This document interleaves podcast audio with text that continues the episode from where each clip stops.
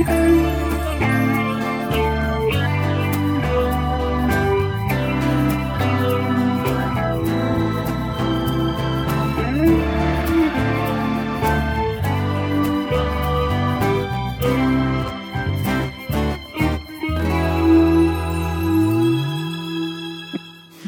rullar, varsågod.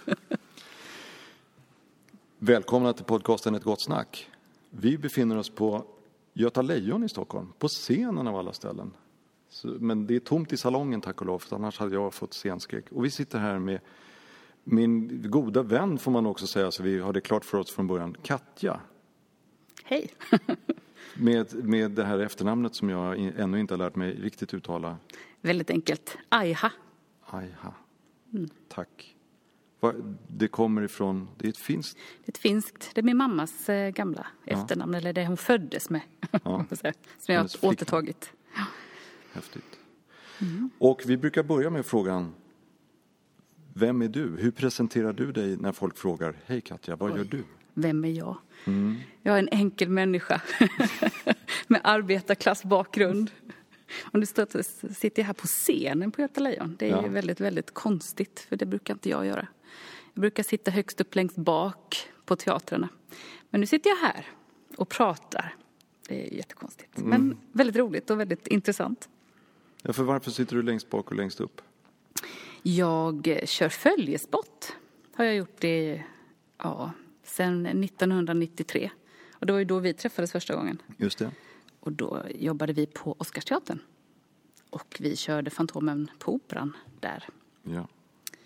Så det är ganska länge sedan nu som vi sågs första gången. Jag vågar inte ens räkna ut, men det ja, jag håller med, det är länge sedan. Hur kommer det sig då? Hur hamnar du där första gången?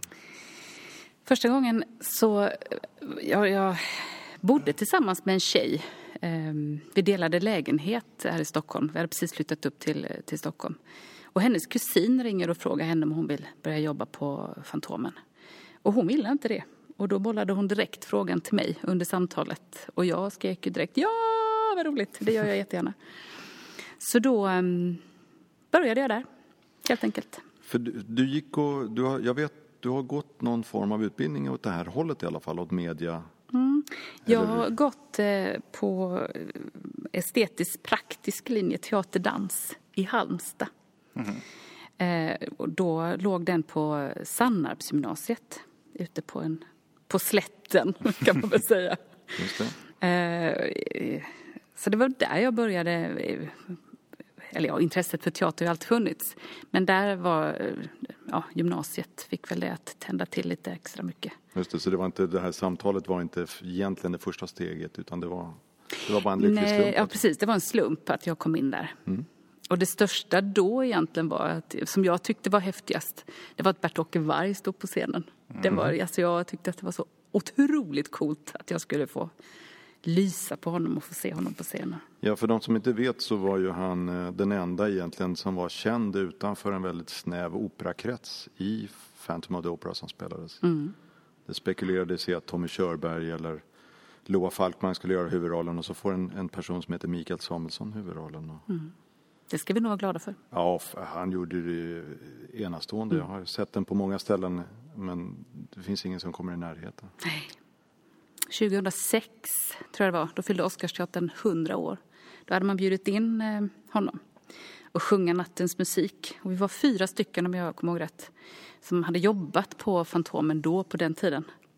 Och så ska han eh, framföra nattens musik och jag får återigen lysa på honom. Det är du, för det klippet finns på Youtube. Det är du som kör. det är jag som kör och jag får dessutom från rätt håll. Ja. Eh, Där den där långa, långa, långa fejden på slutet med hans slutton där. Åh, alltså tårna bara sprutade. och jag tror att alla vi fyra som satt där då, vi, ja. Och den ovationen, den stående ovationen tog ju aldrig slut. Och jag tror att Micke själv, han eh, fällde nog en och annan tår när han stod på scenen där. Det var, alltså, det var bland det häftigaste jag upplevt. Nu bär inte min röst riktigt. så- Nej, det var, det var en av de här toppgrejerna som jag har upplevt. Där man liksom inte knappt klarar av. Jag vet att eh, belysningsmästaren då sa, "Åh, så ska du göra så här. Jag bara, du den här passningen klarar jag. Galant, den har jag kört i två år så att den här kommer jag fixa. försjönk i nattens hemliga musik. Ge dig hän åt ditt innerstas mysterium.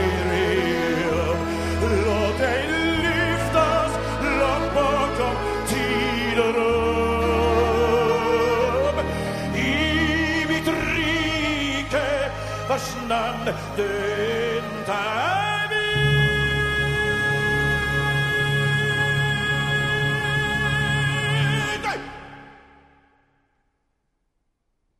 Ja, för i pjäsen så, så är ju han, det är ju hans eh, solonummer liksom, eller vad man ska säga, stora nummer. Och där ligger du som sagt på ditt följe, som var nummer fyra om jag inte minns fel. Nummer fyra.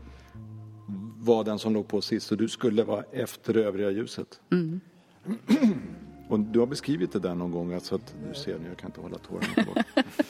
Men, ehm, Det är din nya grej i podden, att du sitter ja och jag gråter. vet, jag har varit känslig förut i podden, men skitsamma. Kommer molden. Nej, för han, Jag förstår. Okej. raljerande över mig. Men han, det är ju inte bara att du sist på, han sträcker upp handen mot dig och tittar mot dig också. Ja, det där är. Och sen när man är jätteliten, för det, det är bara han och hans mask som egentligen syns och den här handen som sträcker upp. Och det är ju det när man kör följe. Alltså, jag satt och funderade på det faktiskt idag. Att, vad är det man gör när man kör följe? Alltså man, man lyser ju på människor på scen. Men det som man lär sig, framförallt om man kör länge på en människa, det är ju deras kroppsspråk. Och deras kroppsspråk sätter sig lite i muskelminnet. Så att om jag nu skulle lysa igen på någon som jag har lyst på väldigt, väldigt länge, då kommer det sitta i min kropp på något vis. Det är jättekonstigt hur jag ska förklara det där. Men, men man, när man har kört på dansare till exempel, René Mirro är en sån klassisk scen Singing in the Rain, den här regnscenen han dansar. Och jag ska köra i huvudstorlek på honom bara. Och hans, han dansar och hysteriskt mycket. och det är liksom stepp och han hoppar upp och ner. Och i början så är det omöjligt att följa hans ansikte givetvis i det här regnet, i det här mörkret som ändå är på scenen då. Men till slut så lyckas man hitta det där. Och man vet vad som kommer hända. Man vet hur han rör sig naturligt på något sätt på scenen i den dansen.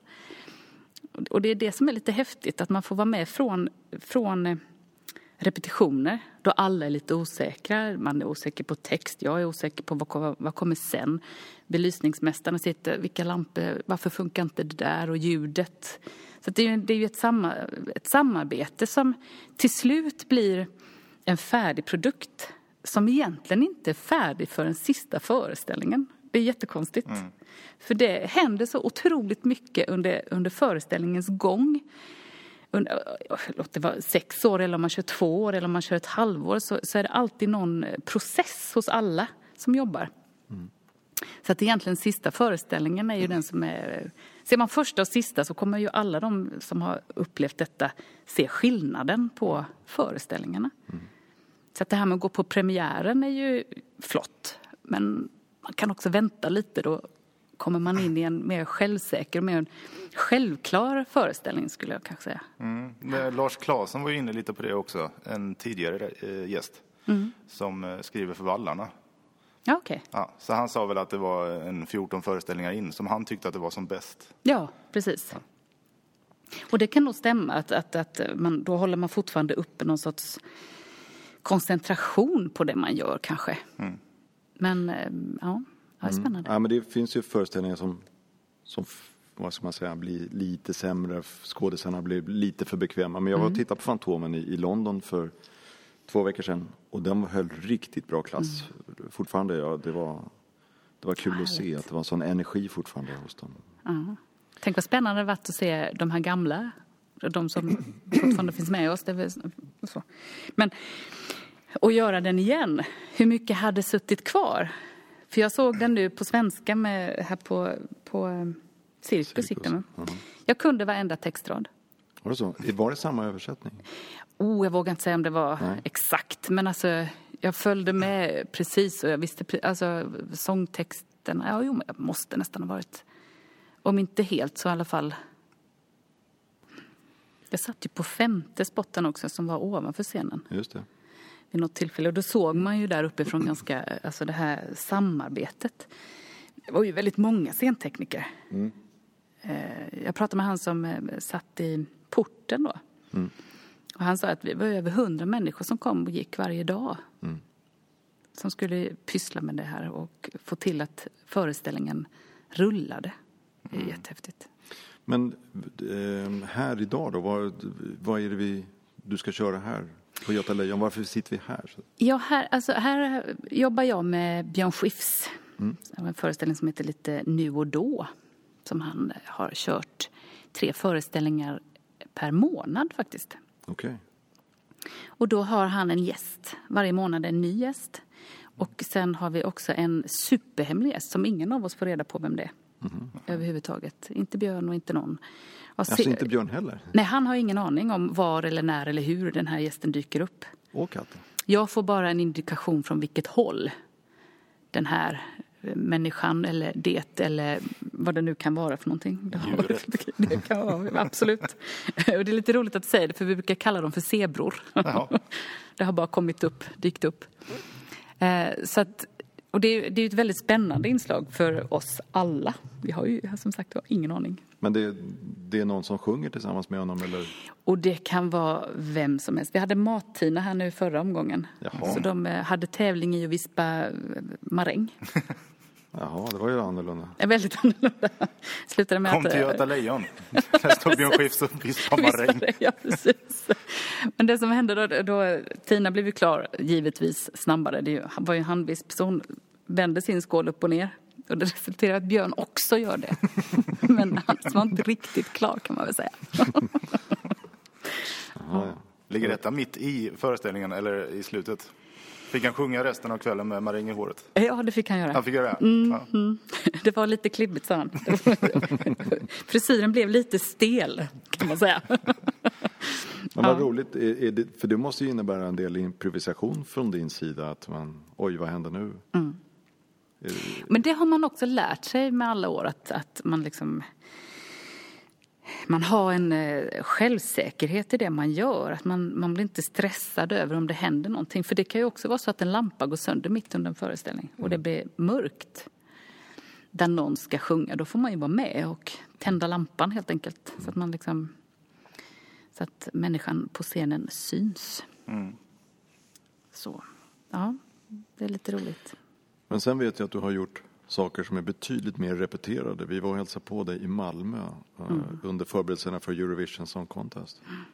Och ni höll på att repa samma låt. Om det, jag har ingen aning idag om det var Moldavien eller... Nej, det kommer inte jag heller ihåg vilket det var just det då. Men, Men ja, det, det hur var det? Kan du beskriva? Ja, alltså Eurovision är ju väldigt, väldigt speciellt. Första gången, alltså, ja, min resa med Eurovision började som så att jag körde Christer Sjögren på Börsen faktiskt. Och då var Lordi med, det här måste vara 2006 då ja. Ja. Då var Lordi med och skulle, eh, ja, för Finland.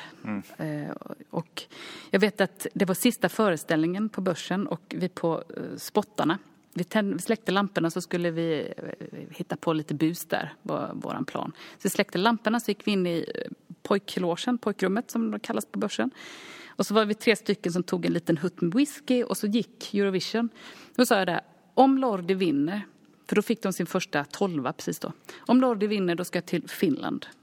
Och så ska jag köra spot på Eurovision Song Contest. Så skålade vi på det och så sprang vi ner. Och så var vi med de sista numren med Christer på scenen. Stod vi där och sjöng. Sen när jag gick av så hör jag liksom att det har gått väldigt bra för Lordi. Och jag bara, okej, hur ska jag göra nu? Det här blev ju lite märkligt. Så. Eh, och sen så med kvällens lopp så inser jag ju då att nu har ju Lordi vunnit. Och då började ju det här att leta reda på någon som kan bestämma eller som kan besluta sig om att jag kan få följa med och köra Eurovision i Finland. Och då kom Ola Meltzing upp som ett namn. Så jag ringde honom och sa hej hej, jag har slagit vad. Så att jag måste komma till Finland och köra spot. Varpå han bara skrattade. Han bara, ja, ja, vi får se hur det går. Liksom, så här, hej och hå.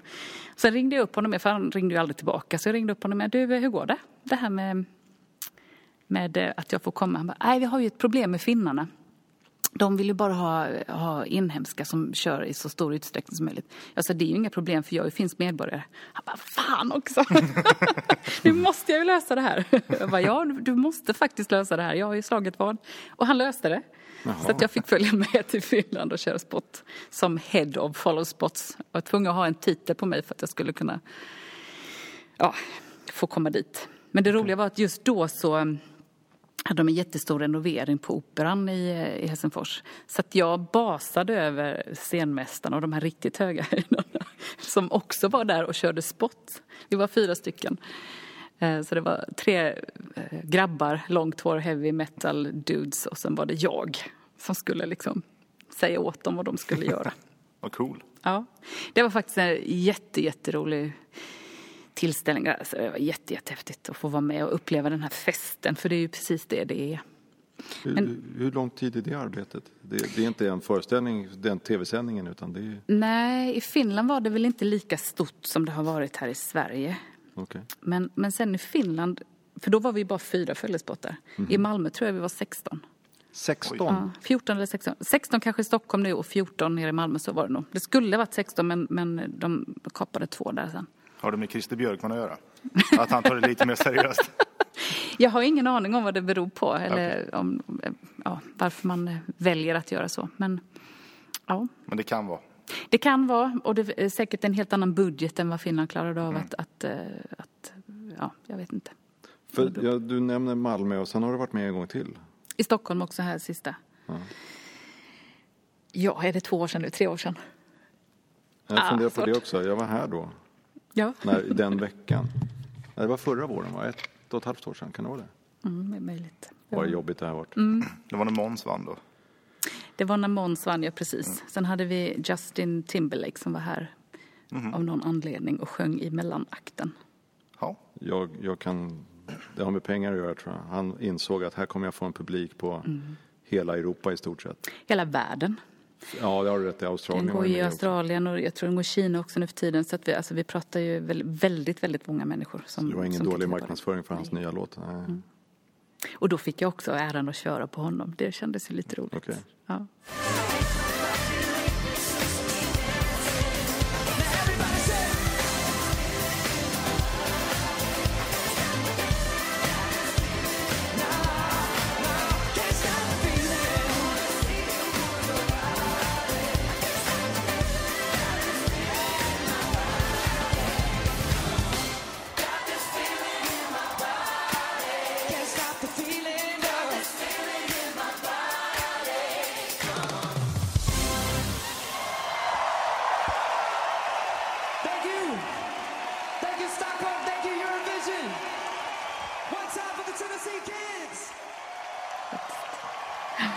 Hur får, hur får du nästa jobb? Nu har, du, jag anar svaret, men du har ett kontaktnät som heter duga nu efter så här många år.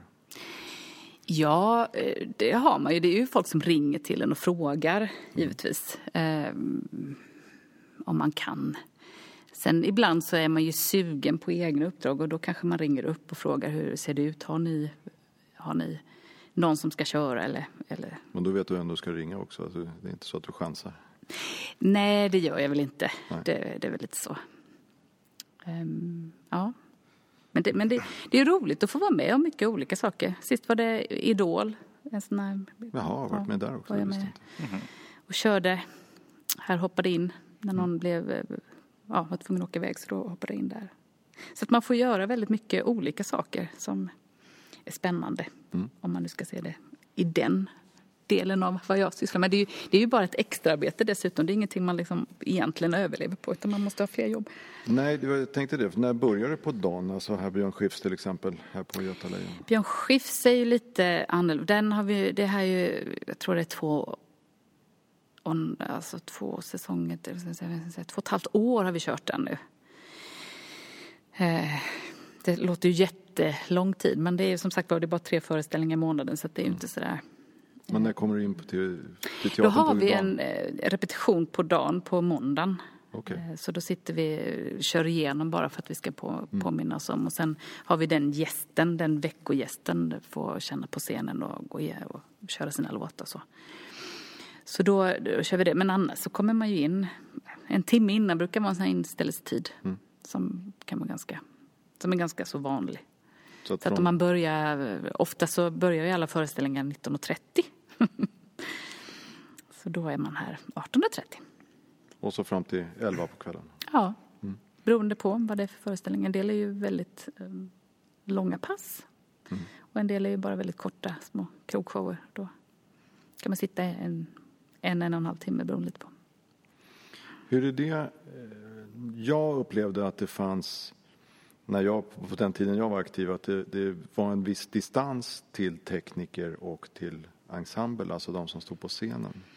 Har det förändrats? För jag upplever att du har en bättre kontakt med musiker och artister än, än vad jag upplevde att, men det kanske var jag personligen.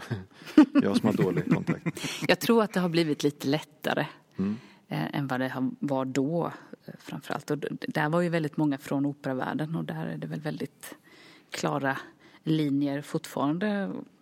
Tror jag, jag vet inte, nu spekulerar jag. Men jag kan tänka mig att det är lite mer Lite mer traditionstyngt. Lite mer, ja precis. Ehm, Men sen alltså, det gäller ju att man visar sig och att man sitter. Jag hade ju kunnat sitta alla pauser uppe i, i mitt torn och inte eh, mingla eller prata eller eh, finnas överhuvudtaget. Det är ju väldigt enkelt. Men ehm, det är ju en del av arbetet, den här sociala biten tycker jag. Annars, annars att, att jobba bara kvällar och helger gör ju att man blir väldigt osocial i sitt övriga i sin övriga bekantskapskrets. Så att då blir ju de man jobbar med för tillfället blir ju ens vänner på något vis. Man, man sitter här istället för att sitta hemma och titta på TV. Och då ser man ju i och för sig samma föreställning om och om, om igen. Men, men däremot så har man ju också eh, har man ju också vänner. Alltså, man byter olika erfarenheter med nya människor hela tiden som också är väldigt kul. Sen när sista föreställningen kommer så kan man ju också tycka att det är väldigt tråkigt. Framförallt om det har varit en väldigt mysig och härlig uppsättning människor. Vilket ju var ganska stort då när vi körde Fantomen och ni hade ju jobbat i sex år med den. Men det, det är ju också väldigt speciellt. Den typen, ja, Ja, det var ju väldigt unikt måste man ju säga. Att Ja, det var år. det. Absolut. Och sen vi, hade vi egna personaltidningar och vi hade, alltså det, det var ju helt galet. Mm. Och det har jag aldrig upplevt igen, på det sättet. Bordshockeyturnering. Ja. Men då var vi också sex följespottsoperatörer, vilket är väldigt mycket. Just det det. brukar ju vara två max. Så att det, det är ju... Ja, förutom på Eurovision då. Där var det 16. Ja, om, någon, om någon hade satt er två bakom era spakar på Fantomen om en timme, hade ni satt era grejer då? Nej, Nej. Jag hade nog kunnat följa med. Hade jag nog kunnat göra. Jag hade nog kunnat se vad det är som är vad, vad, vad som är viktigt. Alltså, och, och belysa hade jag nog kunnat göra. Eller jobb, alltså hade de rört sig på rätt sätt så hade jag nog anat. För jag körde faktiskt ett följa. Vi, vi, vi hade ju den form, om jag, nu handlar ju inte det här om mig, det handlar om dig. Men Fantomen höll på så länge och ehm, kunde aldrig ställa in. För det var en sån dyr produktion. Så att vad man gjorde var att lära upp sig flera moment. Så att man, när en reserv kom in som kanske inte kunde så mycket så kunde vi andra flytta runt. Så att jag vet inte hur du gjorde men jag tror att vi, jag i alla fall sällan körde två föreställningar och gjorde samma sak. Utan då hade jag nästa föreställning hade en annan position. Jag tror att det är väldigt bra. Jag Det tror var- att det, det håller, håller igång eh, koncentrationen igen kommer jag in på där. Att man liksom får andra bitar att jobba med. Mm. Jag vet att jag vid något tillfälle jobbade på två teatrar. Varannan vecka byttes jag vid och det var otroligt bra. För då, då var man hela tiden på alerten istället för att man... För det blir ju så, efter 200 föreställningar så har man sett det, man vet vad som kommer hända och man kanske blir lite däst. Lite bekväm. Lite, lite bekväm i det, i, i det liksom. Men när man flyttar runt så är det otroligt bra egentligen. Har du varit på alla teatrar i Stockholm? Oh. Privatteatrarna, ja. De stora. För De det finns ju stora. massor med små ska man ju Ja, säga. också. precis. Men Källarteatrar. Men det, Ja, så jag har nog varit nog på de flesta. Stads, till och med Stadsteatern faktiskt. ja, det, är- för det är väl lite det är en annan miljö, det är stadsägda. Ja, det, ja, men det, ja, det är det. Absolut. Men när jag bodde i Göteborg då jobbade jag för Stadsteatern där. Och då kom de och gjorde ett gästspel faktiskt på, här uppe i Stockholm. Och då hoppade jag in och körde en Albert Speer faktiskt. Ja, men det, ja. Det här är kanske är en klyschig fråga, men i och med att du har varit på de flesta teatrarna i Stockholm så har du ju givetvis också fått jobba med väldigt mycket folk och artister. Är det någon speciell eh, artist som du kanske inte har fått jobba med än som du gärna skulle vilja jobba med? Någon som är på att göra-listan så att säga? Oj. Oj. Åh, vad knepigt. Vem skulle det kunna vara? Ja, det där, där får jag nog... Jag får, tänka, jag får återkomma till den frågan. Vi kan låta den marinera. Som Den kan marineras lite grann. Men jag har ju däremot massa med människor som jag skulle vilja jobba med igen, som jag har tyckt om att jobba med. Som jag, ja. Så att, eh, Björn är en av dem som jag gärna återkommer till. Det är väldigt trevligt. Väldigt trevligt band. Och man, eh, man är med i gänget där. Det är så enkelt det. Där är det inga skillnader på vad man håller på med. Utan där kommer man och så, så ska man göra en föreställning som är bra. Och den gör, den gör vi tillsammans. Härligt. Ja, det är, det är faktiskt jätte, jätteskönt. Jag har bara haft förmånen att träffa honom kort men han, han verkar extremt trevlig och precis som man, Mm. man ser honom. Otroligt, extremt jordnära och Och, och sen erfaren också, att han, precis som du säger, han vet att alla har en betydelse. han ser vikten av det eh, väldigt mycket. Så det, ja, det är väldigt skönt. Väldigt skönt att jobba med ett sånt gäng som man trivs med. Man kan bara komma in och sen så faller bitarna på plats och sen är det bra med det. Det är väldigt skönt. Fredrik pratade lite innan om här när, när han skulle förklara vem du var för mig. Att du pysslar med radio också. Ja, Ja, vad är det för något? jag eh, skriver barnprogram för Siso-radio, finska radion. Under, det är ju Sveriges Radio, men deras finska avdelning. Är det på finska alltså? Och det är på finska. Ja. Så är det någon som lyssnar som kan finska, då kan de lyssna. Ja. det är roligt. Det är väldigt, det är väldigt annorlunda eh, medium att jobba med. För när man skriver för radion så skriver man ju för blinda egentligen. Du, du måste beskriva allting som du tycker är viktigt som ska komma fram. Eh, Eftersom man bara lyssnar, man ser liksom inte framför sig hur det, hur det ska vara. Men du skriver, alltså det är, det är inte en eh, pratradio, alltså man sitter och presenterar skivor, utan det här är, är det berättelser eller vad? Ja, vi har, vi har både musikprogram, så att då kan det vara musik. Eh, bara musik. Men sen kan det också vara en musikberättelse. En berättelse där det ska innehålla mycket musik. Det ska finnas någon röd tråd. Men det som jag framförallt skriver där är ju sagor, helt enkelt. Men då skriver du och berättar om. Då skriver jag, berättar och klipper och slänger in musik. Och Ja, jag gör allting. hela, hela från det här idé har- till färdig produkt. Ja, ja. Det här har varit svårt att göra research på eftersom jag, min finska är något knackig. Nej, du ser. Paljon ei taskulampu. Precis. Men däremot så, det, det, var- varför jag kom in där, det var, jag skrev en eh, barnmusikal som vi satte upp på Fjäderholmarna. Det som jag var och såg. Som du var och såg till och med. Fantastiskt.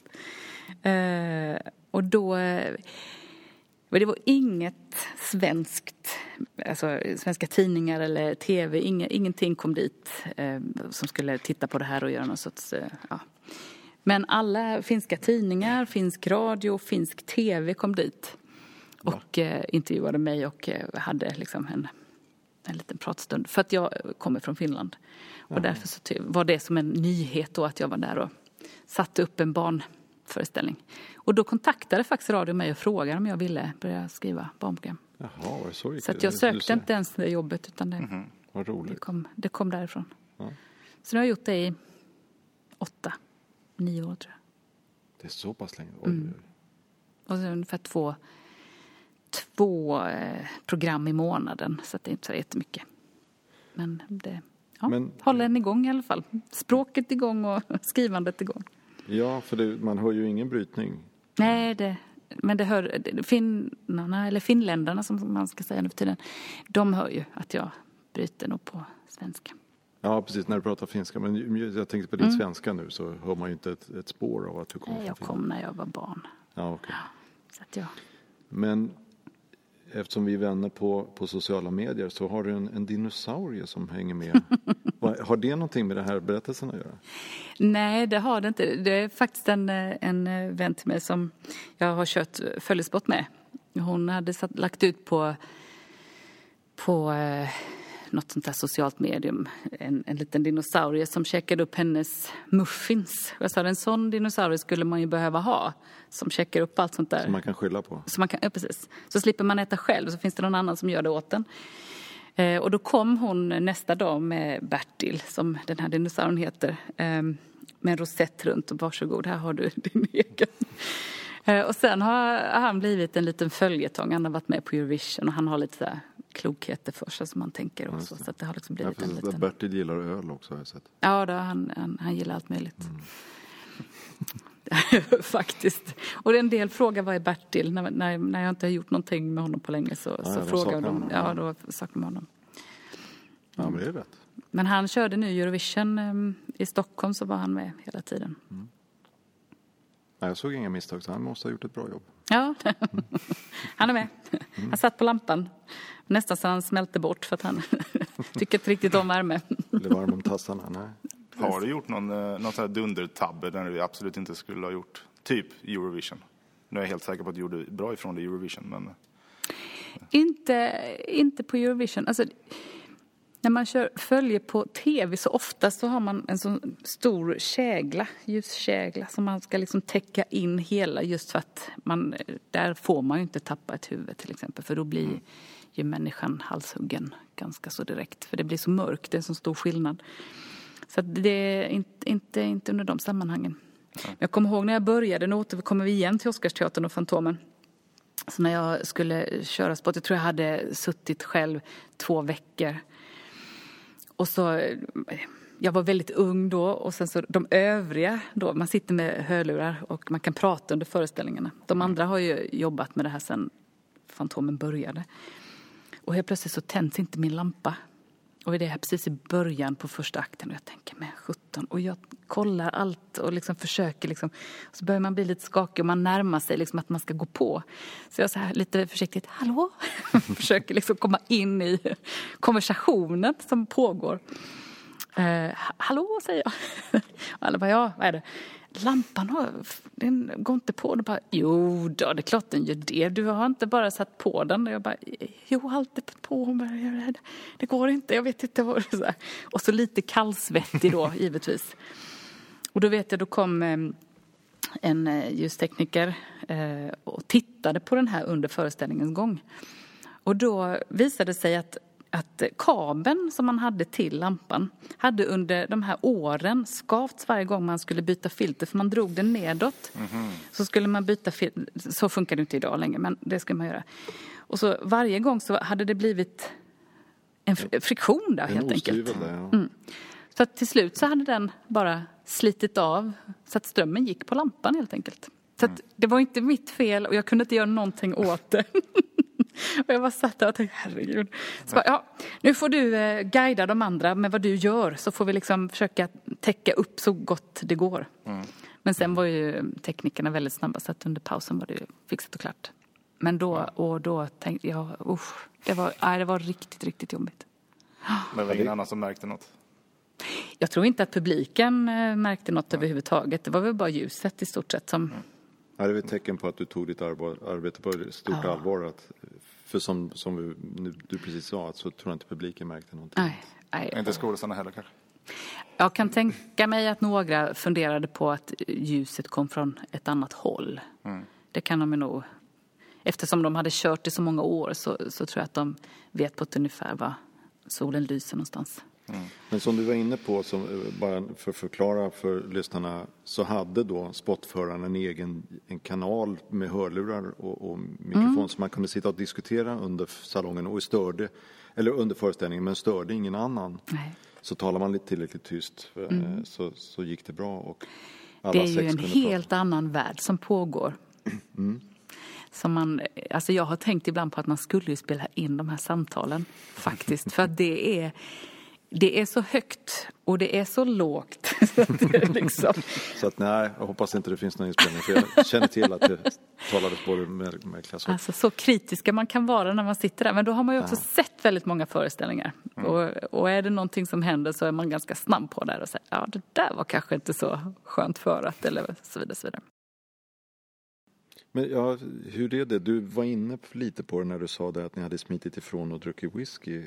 Mm. Sista föreställningen, pranks, alltså hitta på bus. Förekommer det? Och är du Jag inblandad? tycker nog att, att ibland så... Det är så väldigt mycket profe- professionalism idag. Så att det syns inte. Det är knappt att vi ser det längre. Alltså, på ett tag så var det väldigt mycket så. Jag vet att man har bytt ut äppeljuicen mot riktig whisky när man ska, någon ska slänga i sig det liksom. Och Vilket kan vara vansinnigt. det, ja, Inte bra. ja. Nej, verkligen inte bra. Och så gäller det att göra det med de som, kan, som klarar av att ta det. Mm. För det är ju inte alla som kan det heller. Som inte, som, ja, det blir jobbigt att köra sista. Mm. Men eh, ja, det har man nog varit med om. Man har nog sett en del. Men inte... Eftersom man är så pass långt borta, det, det är ganska stort avstånd oftast mellan följespottar och de, det som är på scen. Så det är inte alltid man Nej, får höra om det och, sen så sker det väldigt mycket bakom. Och man, Ja, precis. Men hur funkar det här? Du kan ju inte hitta på själv vad du ska köra utan det är, det är ljussättaren som, som Mm. regisserar dig kan man säga hur du ska köra. Så kan det vara.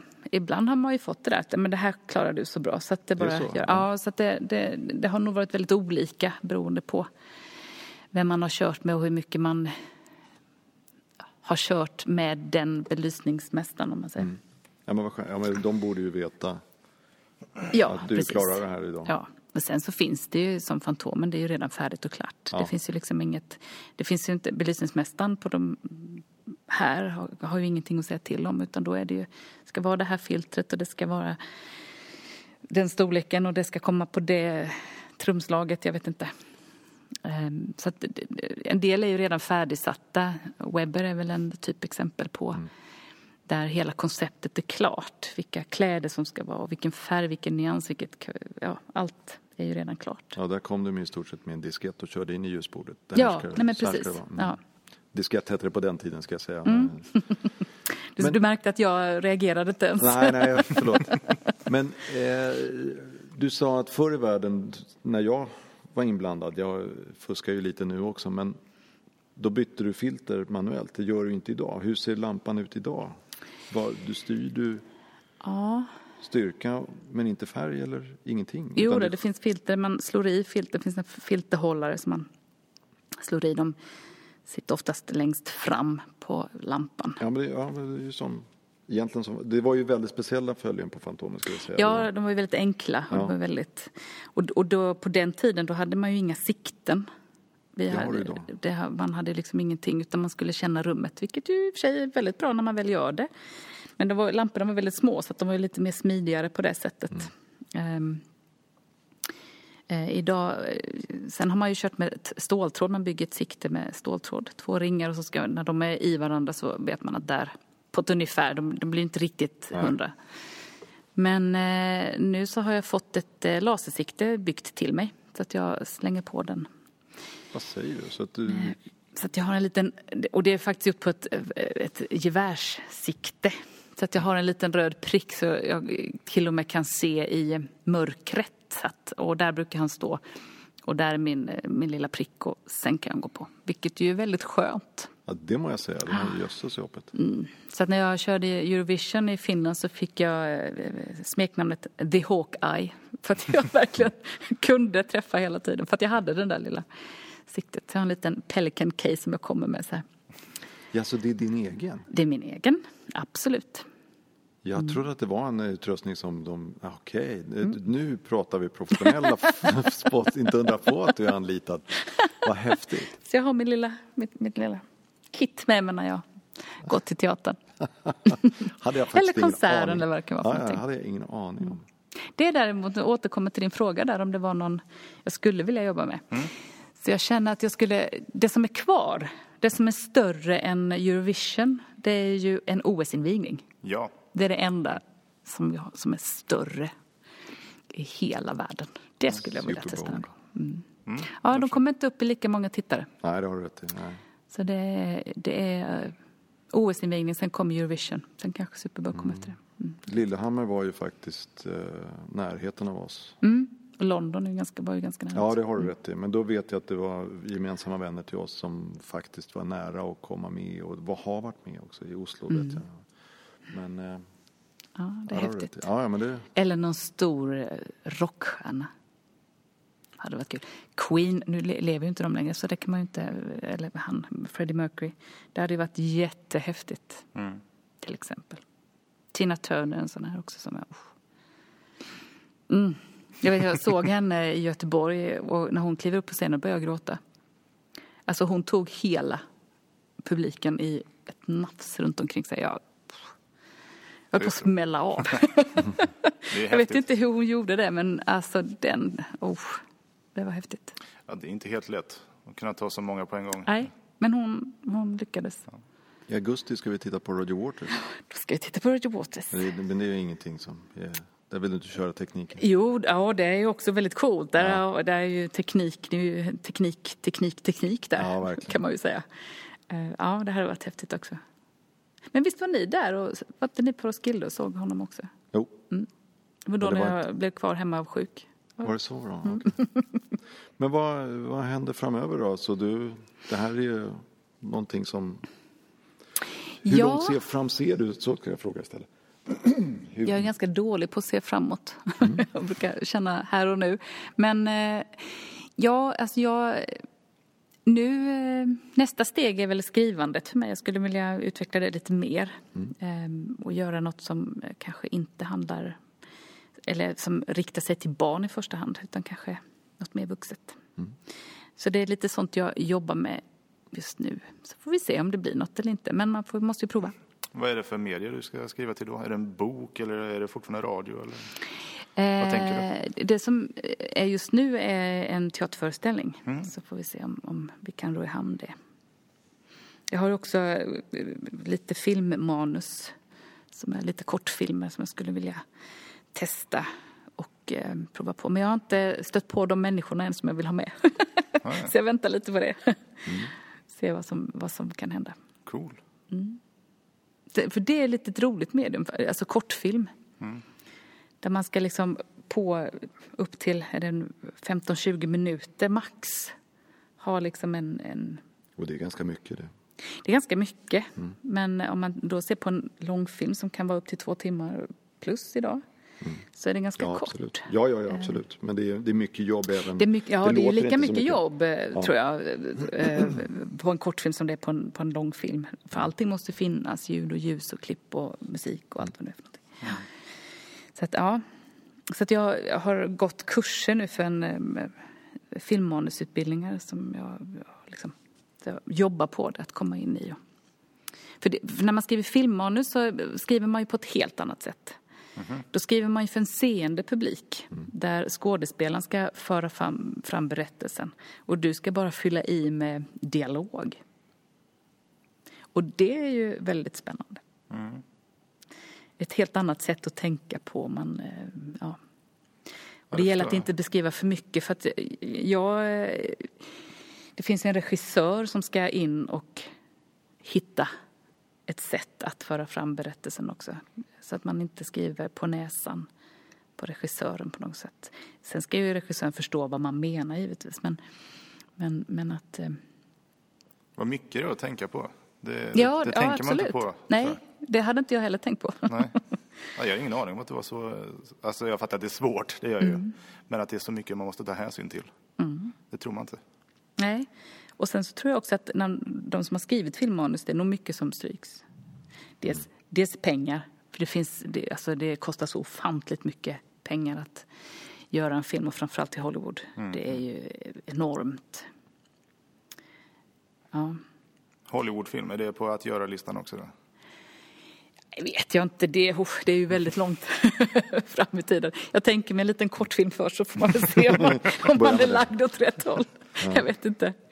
Men då, jag gick eh, faktiskt de här utbildningarna för en eh, man som heter Bob Dolman som har jobbat i Hollywood. Han har jobbat mycket med Och vad heter han nu då? George Lucas. George Lucas, ja precis, tack. Eh, och sen har han skrivit själv. Han har gjort Far and Away och filmen Willow.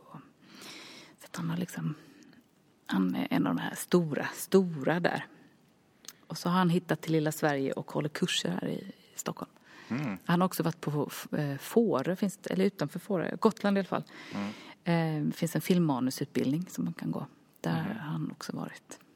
Men han återkommer till Sverige, han älskar Sverige och, eh, och Det är väl ett människorna här. knep att vara med, manu- med manusförfattare. Ja, ja, absolut. Och idag skriver ju inte, alltså när man tittar på tv-serier till exempel, då är det ju inte en manusförfattare. Utan det sitter tio människor och skriver på ett manus. De är ju, och sen är det ju olika människor som kanske är förste skribent på de olika Avsnitten. avsnitten dessutom. Och sen har de oftast en med. För att då är plötsligt så funkar inte de replikerna eller att man måste hitta en annan väg så måste man skriva om on, on the go liksom. Så att det händer väldigt mycket där. Eh, Men är det en marknad som, eller är det ett område, marknad låter fel, men en, ett område du skulle Jag skulle vilja prova, på? Mm. ja jag är väldigt nyfiken på det och se hur det funkar. Skulle jag, alltså, tv, film eh, skulle jag vilja prova på. Mm. Också prova att filma. Jag tänker att följespott och kameraman eh, ligger nog ganska nära. Mm. På något sätt, tankemässigt i alla fall. Att man liksom måste följa, man har liksom en fokus på det man eh, filmar eller det, det man eh, lyser på. Liksom. Så att sen är det ju mycket mer teknik givetvis och knappar och rattar som man måste hålla koll på säkert. Ja, det är klart. Kan hänvisa till ett tidigare avsnitt då med Dan Myrman, kan du få lyssna på. Ja, ska jag. Ja, det, att det var tre personer och ibland fyra att operera en kamera. ja. Så På, att det var, ja, det var ju spännande att lyssna på. jag tror att i Helsingfors så hade de en sån här spidercam. Eh, I alla fall, alltså var det eh, ja, typ linor på fyra punkter i, i hallen och sen så en kamera som kunde liksom åka upp och ner och svänga. Och, Alltså det ser ju så häftigt ut. Och så är det någon som sitter med en joystick. Så har de över fotbollsplaner idag också. Ja, det är ju häftigt alltså. Men jag tänkte på det, ny teknik. Ehm, Det var rätt många år sedan. Jag undrar om inte det var på eh, Sugar hette den ute på Cirkus. Med Björn Skifs just och eh, Hans Lindgren var med och eh, Regina Lund eh, och Johan Ulveson spelade. Det hetaste laget hette filmen. Då hade de följespottar som var som man hade en sändare på något sätt på eh, skådespelarna och så följde det, jag vet att Björn sjöng ett nummer där den följespotten, det var lite hackigt då men det här är ju många år sedan. Har finns det idag? Att du är utkonkurrerad snart?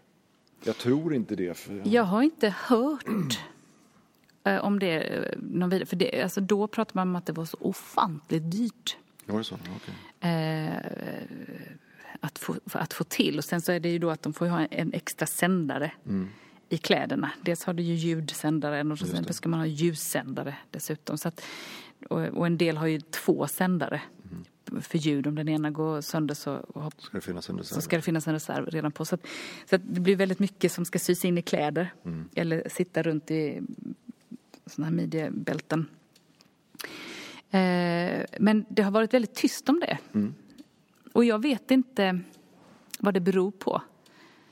Jag tror att en människa som sitter och kör, det, det, det blir mer pålitligt på ett sätt. För den människan finns ju hela tiden där. Men om eh, tekniken går sönder eller att det liksom slutar funka, då kan du inte göra så mycket. Nej. Då är du liksom låst vid det. Och sen tror jag nackdelen också som du var inne på att du ska köra kanske bara huvudet på personen och så sitter sändaren i midjan. Det, det går ju liksom inte att Nej. översätta det och följa. Nej, jag, jag vet inte hur långt, men jag, jag tänker att det kanske det, det är nog en framtid man gärna vill se. Och det kommer kanske lösa bättre idag än vad man kunde då. Men eh, det är ingenting som jag har hört om att de har, Ja, att Så man du är har inte velat. på väg att bli utkonkurrerad Nej. av tekniken. Mm.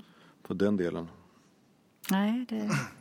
Ja, jag tänker att vi ska börja runda av kanske. Ja, Ja. Vill du eh, rekommendera något eller göra reklam för något?